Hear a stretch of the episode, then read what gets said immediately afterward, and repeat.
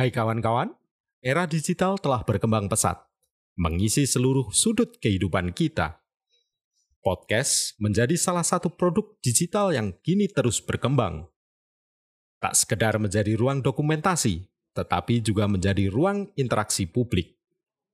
Bagi kawan-kawan yang ingin mempublikasikan karya podcastnya, Anchor pilihannya. Kenapa harus Anchor? Karena mudah menggunakannya dan bisa mengupload dari mana saja. Anchor bisa di-download di App Store dan Play Store secara gratis. Hai pendengar semua, salam Kobis Merajut Sastra. Pada Ramadan 2022 kali ini, Kobis Merajut Sastra akan menemani kalian dengan rangkaian cerpen selama sebulan penuh. Setiap cerpen akan dibuat berseri dalam 2 sampai 3 bagian. Tujuannya agar pendengar tetap bisa mendengarkan kisah-kisah sastra di sela-sela rangkaian ibadah Ramadan. Selamat mendengarkan.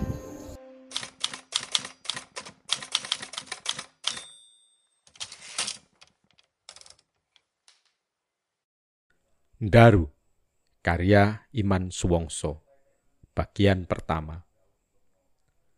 Sejak pagi mereka membicarakan cahaya jatuh dari langit. Sejak mereka membuka mata dan kotorannya masih menempel di ekor mata. Menjadi seru ketika ibu-ibu bergerombol di penjual sayur keliling. Semakin ramai ketika petani, pedagang, tukang ojek, dan kuli bangunan singgah di warung kopi Mak Sanah.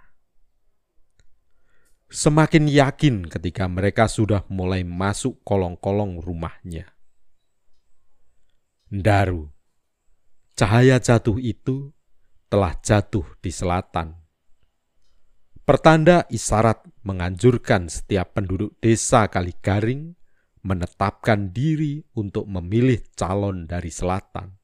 Desa Kaligaring terbelah menjadi dua dusun oleh sungai yang tak pernah berair selain musim hujan. Sungai itu diberi nama Kaligaring. Julukan yang menjelaskan keadaan sungai itu. Kali artinya sungai, garing artinya kering. Kaligaring artinya sungai kering. Oleh nenek moyang, nama sungai itu dipakai untuk menamai desanya. Waktu dibentuk, dusun cukup dua saja. Dusun sebelah selatan dinamai Kaligaring Kidul. Dusun utara dijuluki Kaligaring Lor.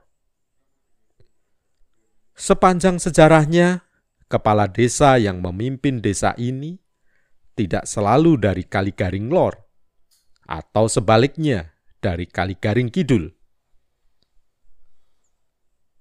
Suatu saat dari Kaligaring Lor pada periode yang lain dari Kaligaring Kidul. Warganya tidak terlalu fanatik memilih kepala desa. Warga Kaligaring Lor tidak selalu memiliki calon dari Kaligaring Lor. Sebaliknya, yang tinggal di Kaligaring Kidul tidak selalu memilih calon yang berumah di Kaligaring Kidul. Mereka akan berduyun-duyun memilih calon kalau sudah mendapat isyarat cahaya di tengah malam itu jatuh di belahan desa sebelah mana. Sekalipun suatu periode tidak ada calon kepala desa dari Kaligaring Kidul, warga desa Kaligaring tidak kebingungan mereka akan mencari tanda cahaya jatuh di belahan timur atau barat. Kalaupun cahaya jatuh di dusun Kaligaring Kidul, mereka akan memperjelas jatuhnya cahaya itu di Kaligaring Kidul belahan barat atau belahan timur. Mereka tidak menilai calon kepala desa. Tidak peduli apakah calon itu dari golongan santri atau bekas bromocora watak tidak penting. Apakah mereka seorang alim santun, ataukah berangasan, bengis, dan kejam? Pernah ada calon kepala desa dari golongan orang yang disegani. Hampir setiap malam, pada saat jagong calon yang mendukung datang berduyun-duyun. Rumah calon itu tidak cukup untuk diisi mereka yang menyatakan simpati. Meluber ke halaman rumah, halamannya tidak muat. Sampai ke pinggir jalan, trotoarnya tidak cukup untuk orang duduk-duduk. Ada yang membantu menyewakan tenda untuk didirikan di tengah jalan. Jalan ditutup, diisi kursi-kursi sewaan.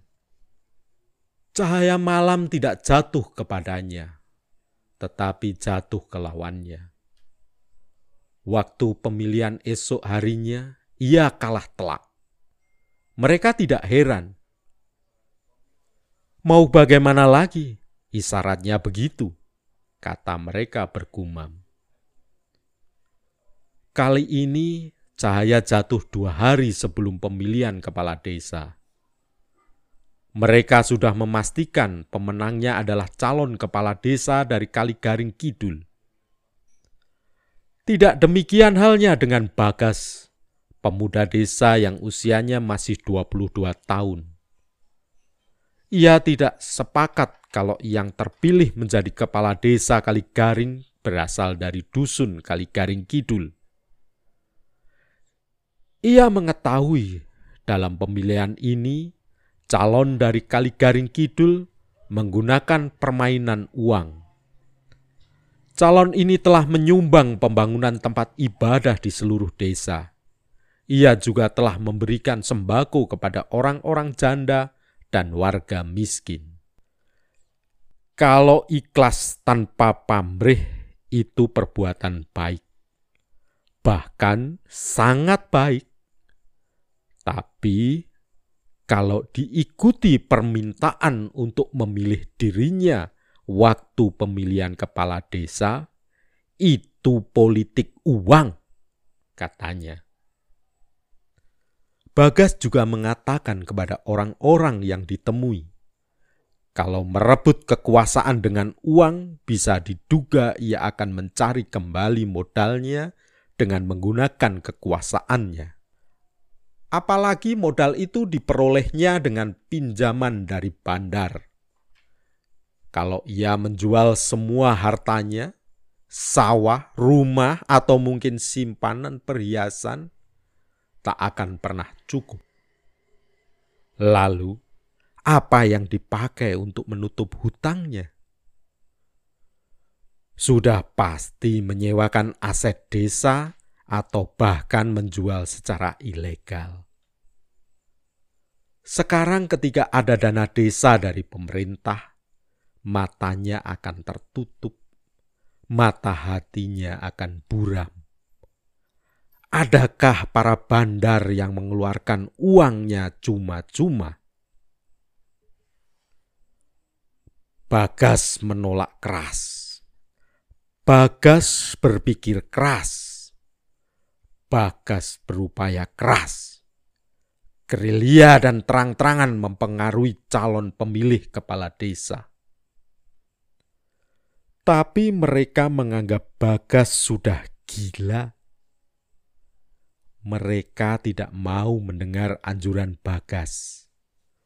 Omongan Bagas dianggap angin lalu mereka pun menyiapkan pesta besar menyambut kemenangan di rumah calon Kaligaring Kidul. Semenjak sore, orang-orang Kaligaring Lor berduyun-duyun ke rumah calon di dusun Kaligaring Kidul. Mereka membawa makanan, kue, dan bahkan sembako.